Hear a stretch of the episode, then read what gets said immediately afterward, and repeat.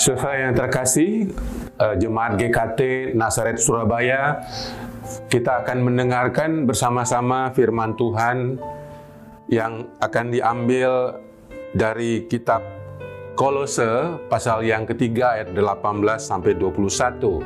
Tema khotbah kita hari ini adalah sistem keluarga yang sehat.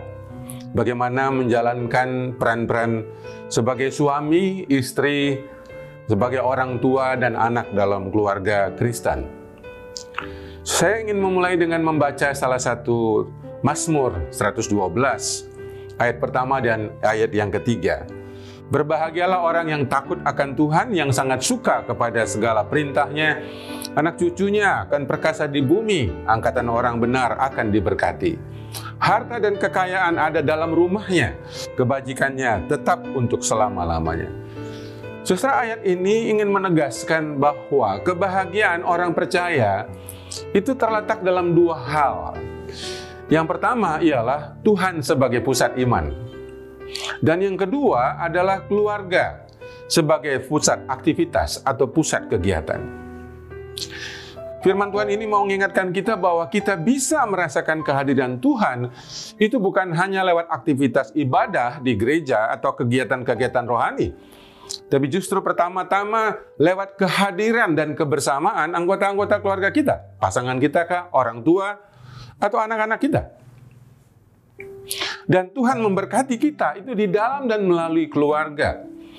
Banyak orang mencari berkat justru di gereja. Pertama-tama berkat Tuhan itu ada di dalam pernikahan kita, ada di dalam keluarga kita, ada dalam hubungan-hubungan dengan orang-orang yang terdekat dengan kita, yaitu keluarga kita. Inilah investasi utama dalam hidup kita yang kelak akan diwariskan kepada anak cucu kita. Investasi atau materi yang kita punya yang paling berharga itu bukan uang, tanah, emas, saham, atau bentuk-bentuk lainnya yang bernilai materi. Justru investasi yang terbaik adalah relasi dengan anggota-anggota keluarga kita, komunikasi secara harian dengan orang-orang yang kita kasihi. Dan kelak itu yang kita akan wariskan. Relasi-relasi dan komunikasi kepada anak-anak cucu kita. Sekali lagi saudara, relasi yang hangat adalah buah cinta yang kita tanamkan dan ajarkan kepada anak-anak kita sejak dari bayi. Dan relasi ini akan mendatangkan atau menghasilkan keintiman dan kedekatan pribadi yang tidak bisa dibayar oleh apa pun.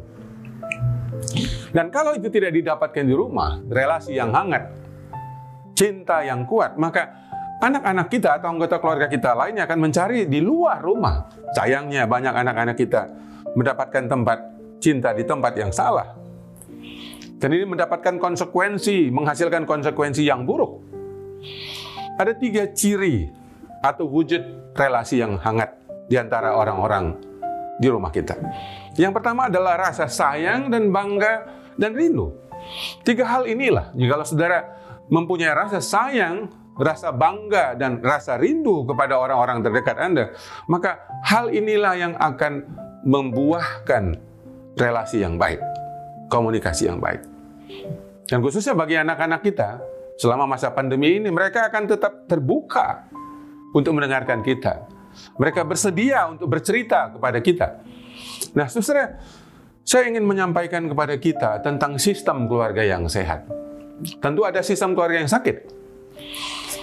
Nah, sistem keluarga itu adalah hubungan-hubungan ang antar anggota keluarga di mana mereka saling tergantung dan saling terhubung. Ini saya katakan tadi ada perasaan sayang, perasaan rindu dan perasaan bangga atau perasaan peduli. Dan teori ini mengingatkan bahwa kita itu saling mempengaruhi satu kepada yang lain. Kalau ada satu yang bermasalah, misalnya anak saya waktu menjadi pecandu game, maka seluruh anggota unit di dalam sistem itu ikut terganggu. Saya tiba-tiba bertengkar dengan istri saya. Kami tiba-tiba bisa saling menyalahkan satu sama yang lain. Dan jikalau ada anggota-anggota unit daripada keluarga ini, bisa jadi itu suami, istri, ayah, ibu, anak, maka harus ada yang diperbaiki. Sistem keluarga yang sehat, saudara-saudara, adalah jikalau masing-masing unit-unit ini, baik itu suami, istri, ayah, ibu, anak, itu mengutamakan kebersamaan keluarga. Bukan kepentingan pribadi. Tidak sadar, tanpa sadar kita cenderung egois. Apalagi ketika baru mulai menikah. Apalagi ketika baru mulai punya bayi. Nah, saudara-saudara, unsur kebersamaan ini akan memperkuat dan mempersiap sistem. Dan sistem keluarga ini umumnya ada aturan, ada nilai, ada tujuan, ada kebiasaan yang disepakati bersama-sama antara suami istri dan orang tua dan anak. Nah, saudara yang menarik sekali adalah jikalau sistem keluarga ini saling mengutamakan anggota-anggota unit yang lainnya, yang menurut firman Tuhan adalah jangan mementingkan diri sendiri, tetapi mementingkan orang lain juga, mencari kepentingan orang lain juga, maka unit-unit ini akan bersinergi menjadi harmonis. Jadi seluruh anggota unit pertama-tama harus memikirkan kepentingan sistem. Ya, bagaimana supaya seimbang, supaya selaras, lebih daripada kepentingan pribadi. Jadi setiap keluarga yang mempunyai tujuan yang jelas, itu akan lebih mudah mencapai hubungan-hubungan yang harmonis satu sama yang lain. Nah, dengan menjaga keseimbangan sistem, maka setiap anggota keluarga merasa nyaman di rumah anak-anak merasa bisa lebih terbuka untuk membagikan misalnya pergumulannya, tekanan-tekanan hidupnya, ya masalah-masalah hidupnya. Saya cukup lama ketika saya menjadi pendeta, setiap kali istri saya curhat, itu sekitar tahun 91 sampai 96, saya pulang dari gereja, saya lelah, saya cenderung marah. Lama-kelamaan istri saya merasa, tidak bisa sharing dengan saya. Dan dia bilang, saya kalau ngomong sama kamu satu dua menit, tiba-tiba kamu memberikan saya nasihat. Tiba-tiba suara kamu keras. Nah, sudah saya menarik sekali bahwa kalau anggota-anggota unit mementingkan dirinya sendiri, dia tidak akan bisa memperhatikan kebutuhan pasangannya. Intinya, saudara adalah selalu memikirkan bagaimana agar pasangan kita itu senang, puas, nyaman, Demikian juga kita memikirkan anak-anak kita bagaimana dalam komunikasi relasi di rumah mereka juga senang dan puas akan keayahan dan keibuan kita.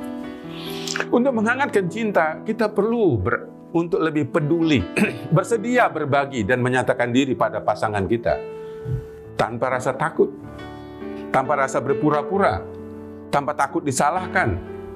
Ada kerelaan untuk memelihara pasangan anak kita pasangan dan anak kita untuk memproteksi kebutuhan-kebutuhan mereka. Bukan hanya fisik, tapi juga kebutuhan-kebutuhan emosi, kebutuhan-kebutuhan komunikasi, dan seterusnya. Nah, saudara, itulah yang disebut dengan sistem keluarga yang sehat, di mana setiap anggota unit mengutamakan satu dengan yang lain. Kita Filipi mengatakan, hendaklah kamu memperhatikan kepentingan orang lain juga. Di samping sehat, setiap keluarga itu perlu menjalankan fungsi-fungsi masing-masing. Ada fungsi ayah, ada fungsi suami, ada fungsi ibu, ada fungsi istri, dan ada fungsi anak. Jikalau setiap suami menjalankan fungsi kesuamiannya dengan baik dan sehat, maka istri akan menikmati dan bisa menjalankan fungsi-fungsi keistrian dan keibuannya dengan sehat juga.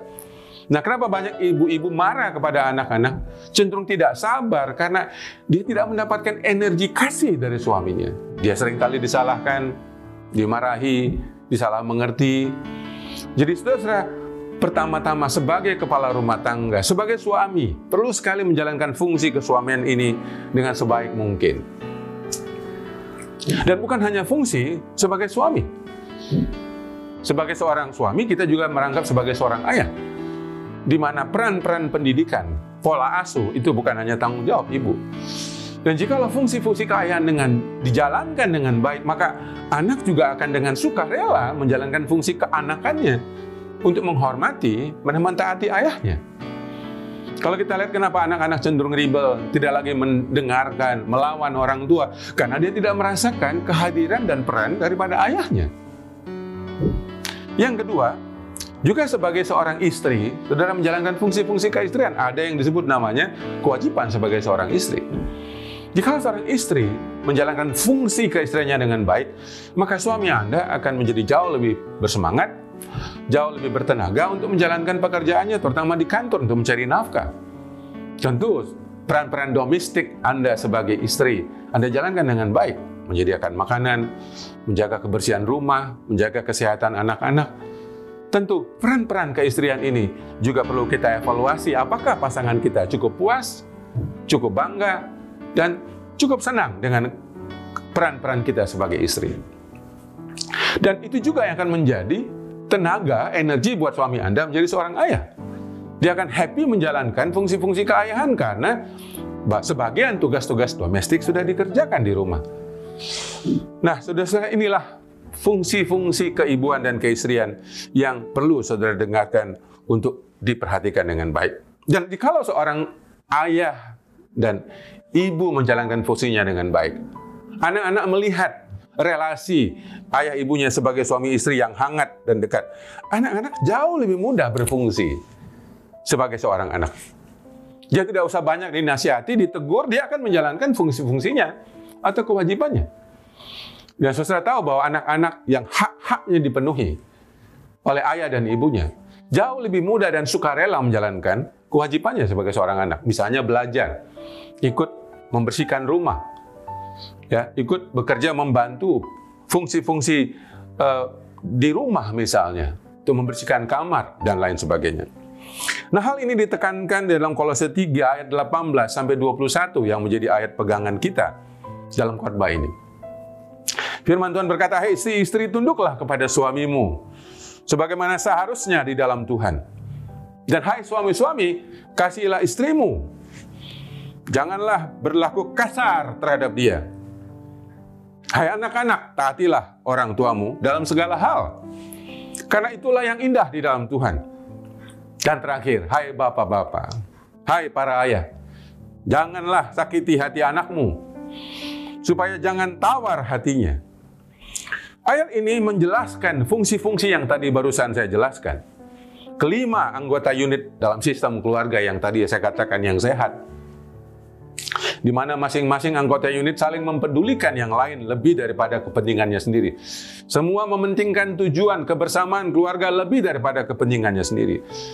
Sebagai suami, ayah, ibu, ya, istri, dan anak ini semacam satu universitas keluarga di mana setiap anggota unit ini saling belajar satu sama yang lain dalam membangun hubungan.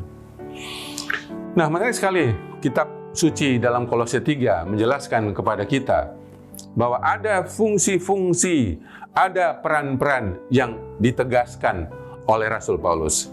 Istri misalnya diminta tunduk kepada suami. Ya, di dalam hal ini ada unsur respect, menghargai, menghormati, mentaati. Tapi jikalau udah ada luka, ada kemarahan, ada kekecewaan yang belum diproses, pasti akan ada kesulitan bagi seorang istri untuk tunduk dan respect kepada suaminya. Dan ini bisa diproses melewati counseling dengan seorang counselor. Dan kami membantu banyak pasangan-pasangan suami istri yang sudah tidak bisa lagi istrinya tunduk, tidak bisa lagi percaya tidak bisa lagi berkomunikasi dengan hangat kepada suaminya. Sementara firman Tuhan berkata, hai suami-suami, kasihilah istrimu. Jangan berlaku kasar. Ada masa-masa saya juga berlaku kasar kepada istri saya. Saya menjadi sadar bahwa ada ada kemarahan dan kekecewaan yang belum saya proses. Lalu kami mencari bantuan untuk berbicara dengan komunitas. Kami berbicara dengan anak-anak meminta masukan apa yang bisa saya lakukan sebagai suami untuk menjadi lebih baik. Dan kami membahas satu sama yang lain. Dan ini sebabnya firman Tuhan berkata, penting sekali setiap kita mengolah kemarahan kita secara harian, mengolah kekecewaan kita secara harian dan juga kesedihan kita secara harian. Jangan pernah membawa kesedihan, kemarahan, dan emosi negatif lainnya ke tempat tidur. Dan kalau tumpukan-tumpukan emosi negatif ini tidak diproses, tidak diolah, ini yang membuat sewaktu-waktu kita meledak, menjadi kasar, bisa menghina, bisa membentak dengan suara-suara yang keras. Dan firman Tuhan menegaskan, Doa suami bisa terhalang jikalau dia berlaku kasar tidak menghormati istrinya di dalam kitab Petrus. Itu sebabnya relasi ini menjadi sangat penting karena kehadiran Tuhan juga ditentukan bagaimana hubungan emosi dan komunikasi kita satu sama yang lain. Dan yang ketiga, hai anak-anak taatilah orang tuamu dalam segala hal. Dalam segala hal. Jikalau anak-anak melihat fungsi-fungsi suami dan istri, ayah ibunya baik dan sehat, dan memuaskan pada dia, dia tidak susah untuk taat. Dia tidak susah untuk respect. Anak menjadi tidak respect, menjadi melawan orang tua karena dia tidak melihat orang tuanya. Itu mempunyai hubungan yang baik, hubungan yang hangat, hubungan yang harmonis, dan hubungan yang romantis. Jadi saudara firman Tuhan ini mengatakan, itulah yang indah di dalam Tuhan. Jadi ketaatan anak-anak respect anak-anak kepada Tuhan itu yang indah, yang yang bisa dilihat dan dirasakan. Tapi sekali lagi, sumber awalnya adalah hubungan suami istri atau ayah dan ibu. Dan tidak lupa firman Tuhan khusus menegaskan untuk para ayah. Saya tidak juga tahu, tidak tahu kenapa tidak ada khusus untuk para ibu, tapi ibu bapak-bapak, janganlah sakiti hati anakmu. Memang dalam budaya paternalistik di mana ayah mempunyai posisi sebagai kepala, sebagai rumah, kepala rumah tangga, sebagai pemimpin, kadang tanpa sadar, karena tidak siap untuk menjadi ayah, dia menjadi otoriter. Menjadi controlling kepada anak-anaknya. Suka mengancam, memaksakan kehendak, padahal anaknya sudah remaja. Kalau banyak dinasihatin, ini membuat anak-anak kita menjadi sakit hati, tawar hati, dan tidak heran, anak-anak kita mulai menghindar. Ya, saya ingat waktu anak saya kelas 4 SD, ketika saya mulai kasar membentak dia, dia mulai menghindar, dia malas berbicara dengan saya. Tidak lagi pernah mau membicarakan perasaan-perasaannya, karena waktu dia membicarakan perasaannya, saya menjadi marah. Maka anak saya waktu itu mengatakan, karena bapak marah kalau saya cerita perasaan, untuk apa saya cerita perasaan saya? Nggak ada gunanya. Lama saya memperbaiki hubungan itu. Supaya anak saya percaya lagi bisa cerita kepada saya. Supaya anak saya percaya bahwa saya bisa menerima semua curhatannya, keluhannya, kritikannya kepada saya sebagai seorang ayah. Ternyata pada waktu itu saya belum begitu dewasa secara emosi, belum dewasa di dalam berkomunikasi dengan anak saya yang menjelang remaja pada waktu itu. Moze namanya, sekarang dia studi di Amerika Serikat. Dan mungkin salah satu penyebabnya adalah uh, hubungan saya dengan dia sangat buruk komunikasinya. Dia mengambil studi uh, jurusan komunikasi. Sekali lagi dalam Kolose 3 18 21 ini dijelaskan ya fungsi-fungsi kelima anggota unit dalam sistem keluarga ini. Kalau sistem keluarga ini menjadi sehat tergantung bagaimana menjalankan fungsi-fungsinya. Baik fungsi kesuamian dan keayahan, fungsi keistrian dan keibuan, dan fungsi-fungsi anak di dalam rumah tangga. Nah, sesuai yang terkasih di dalam Tuhan, sekali lagi dalam psikologi perkembangan dijelaskan bahwa anak-anak itu cenderung meniru, meneladani, ya, mengcapture semua pola emosi, pola komunikasi orang tuanya. Sekali lagi orang tua lah yang memberikan contoh di awal. Anak-anak tinggal meneladaninya. Dan bagian yang terakhir saya mau mengutip dari Efesus pasal 5 ayat 28 hingga 31. Khusus ini ditekankan lagi kepada para suami. Hai suami, harus mengasihi istrinya sama seperti tubuhnya sendiri. Siapa mengasihi istrinya? Mengasihi dirinya sendiri. Jadi dalam proses counseling saya bisa melihat bahwa para suami yang tidak mencintai istrinya bersikap kasar, tidak peduli, mengabaikan, bahkan melukai dengan kata-kata yang kasar, itu adalah tanda bahwa dia tidak bisa mencintai dirinya sendiri. Dia tidak bisa melakukan self-care, self-love, dan dia tidak memiliki self-esteem yang cukup. Self-confidence yang sehat. Jadi kalau saudara lihat suamimu berlaku kasar, tidak mengasihi kamu, jangan heran. Dia sendiri tidak bisa mengasihi. Dia sendiri tidak respect kepada dirinya sendiri. Itu sebabnya saudara-saudara, di dalam uh, lembaga kami, kami melatih supaya orang-orang secara pribadi dia bisa mengasihi dirinya sendiri. Bisa peduli kepada dirinya sendiri. Bisa merawat dirinya sendiri. Baru dia bisa merawat istrinya. Mengasihi anak-anaknya. Saya sadar waktu saya menikah, saya tidak cukup matang untuk menjadi seorang suami. Saya tidak cukup dewasa untuk menjadi seorang ayah. Saya masih membawa begitu banyak luka yang belum saya proses. Saya masih membawa begitu banyak trauma dari orang tua saya yang mengabaikan saya pada waktu kecil, berlaku kasar pada waktu kecil, mengabaikan, bahkan tidak menginginkan kelahiran saya sebagai laki-laki. Saya dipakai rok sebelum usia saya lima tahun. Itu menimbulkan begitu banyak trauma, luka, dan kekecewaan ini menimbulkan rasa minder. ya Perasaan diri tidak berarti, perasaan tidak berharga, dan itu yang menyebabkan saya tidak bisa mengasihi istri saya dan anak-anak dengan baik.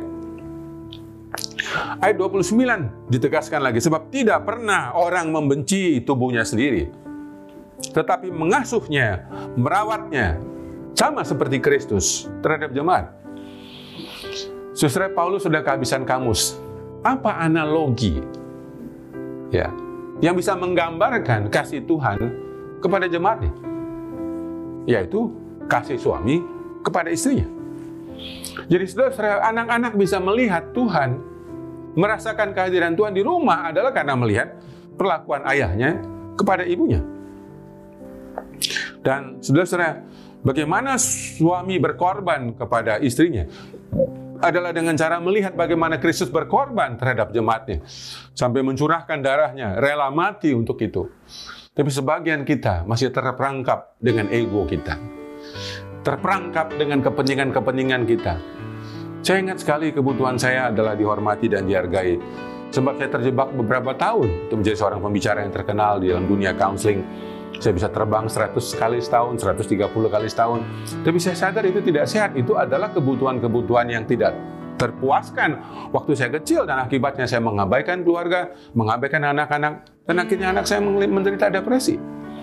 Saya membawa ke sembilan psikolog, membawa ke tiga konselor sampai satu psikiater dan harga yang harus saya bayar itu mahal sekali. Saya sempat mengambil waktu untuk eh, meninggalkan Jakarta menemani anak saya di Salatiga sampai akhirnya dia pulih dari gangguan depresi, kecanduan game, bahkan Enam tahun dia adalah seorang ateis. Sampai anak saya bertemu Kristus pada bulan Januari 2016. Dan setelah itu dia berangkat studi ke Amerika Serikat. Mahal harganya. Saya sendiri memulihkan diri saya, memulihkan luka dan trauma saya kepada ayah saya. Saya butuh bertahun-tahun, saya baru memaafkan ayah saya umur saya 38 tahun. Dan anak saya jauh lebih cepat, dia memaafkan saya umurnya 18 tahun pada waktu itu. Nah, sekali lagi saudara-saudara, Alkitab mengatakan seorang suami perlu mencintai istrinya berkorban. Saudara merawat di sini berarti peduli, sedia berbagi, dan menyatakan diri, mengungkapkan diri, terbuka kepada pasangan tanpa takut. Tanpa merasa berpura-pura, ada kerelaan yang dalam untuk memelihara pasangan. Ada kerelaan memproteksi kebutuhan-kebutuhan pasangan dengan baik.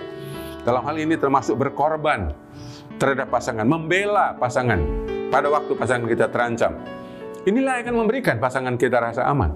Dan kalau pasangan kita aman, istri kita aman, dia mempunyai rasa aman untuk melindungi dan memproteksi anak-anak kita. Survei membuktikan bahwa pasangan-pasangan yang intim itu lebih sedikit mengalami sindrom stres. Dan paling cepat mengatasi berbagai penyakit-penyakit. Nah, sudah sekali lagi, firman Tuhan ini mengingatkan kepada kita fungsi-fungsi, peran-peran suami terhadap istri dan sebaliknya. Peran orang tua kepada anak dan sebaliknya. Ini akan merawat bukan saja kita secara fisik tetapi terutama secara emosi, secara mental. Dan inilah yang paling mahal pada masa pandemi ini, ancaman kesehatan mental. Saudara, mari kita merawat hubungan-hubungan kita, baik secara emosi, relasi-relasi kita secara sosial, ya hubungan-hubungan dan keintiman kita secara rekreasional, secara spiritual, juga bagi suami istri secara seksual. Karena di sinilah saudara-saudara kita akan menikmati ya kepuasan, ya merasakan kenikmatan di dalam hubungan-hubungan keluarga, menikmati kegembiraan, kedamaian, buah-buah Roh Kudus seperti dalam kitab Galatia, ketentraman. Ini akan membuat kita akan minim dengan stres, lebih kuat menghadapi tantangan-tantangan yang ada di luar rumah. Sebaliknya, jikalau kita tidak merawat cinta dan keintiman, tidak menjalankan fungsi-fungsi kesuamian dan keistrian kita atau keayaan dan kebuan kita, ini akan membawa hasil yang sangat negatif. Mudah sakit, banyak keluhan fisik, banyak keluhan emosi, dan ini mengancam perkawinan kita. Jangan heran, banyak pernikahan bubar, bukan oleh karena kurang iman, ya bukan oleh karena kurang kaya, tapi kurang bisa merawat keintiman relasi, keintiman emosi satu sama yang lain. Dan terakhir, kelak Anda akan meninggal dunia. Relasi yang hangat ini, komunikasi yang sehat ini, sistem keluarga yang sehat ini, fungsi-fungsi di dalam perkawinan ini akan diteruskan, akan diwariskan dalam hidup anak-anak dan cucu kita. Mereka hanya akan mereka akan meniru, mengcapture, ya, mengadopsi semua bentuk-bentuk komunikasi yang hangat yang dia lihat dari orang tua mereka. Belum terlambat. Mari dari firman Tuhan ini kita ciptakan, kita tumbuh kembangkan relasi yang hangat di antara satu sama yang lain. Dengan cara menjalankan fungsi-fungsi keayaan, fungsi-fungsi keibuan, dan peran-peran orang tuaan kita pada anak-anak. Dan nanti dengan sukarela, anak-anak akan menjalankan fungsinya, menghargai respect dan mentaati orang tuanya. Kiranya firman Tuhan ini boleh meneguhkan, menguatkan kita, terutama menghadapi uh, situasi pandemi uh, hari-hari sekarang ini. Mari kita berdoa. Bapak yang di surga, terima kasih untuk kebenaran firman-Mu. Bantulah kami melakukannya sehari-hari dan kami juga tidak malu mencari bantuan jikalau ada masalah konflik di dalam relasi kami, baik dengan pasangan, dengan orang tua, dengan anak. Kami bersyukur oleh karena Tuhan setia memelihara hidup kami. Demi Kristus, Tuhan kami berdoa. Amin.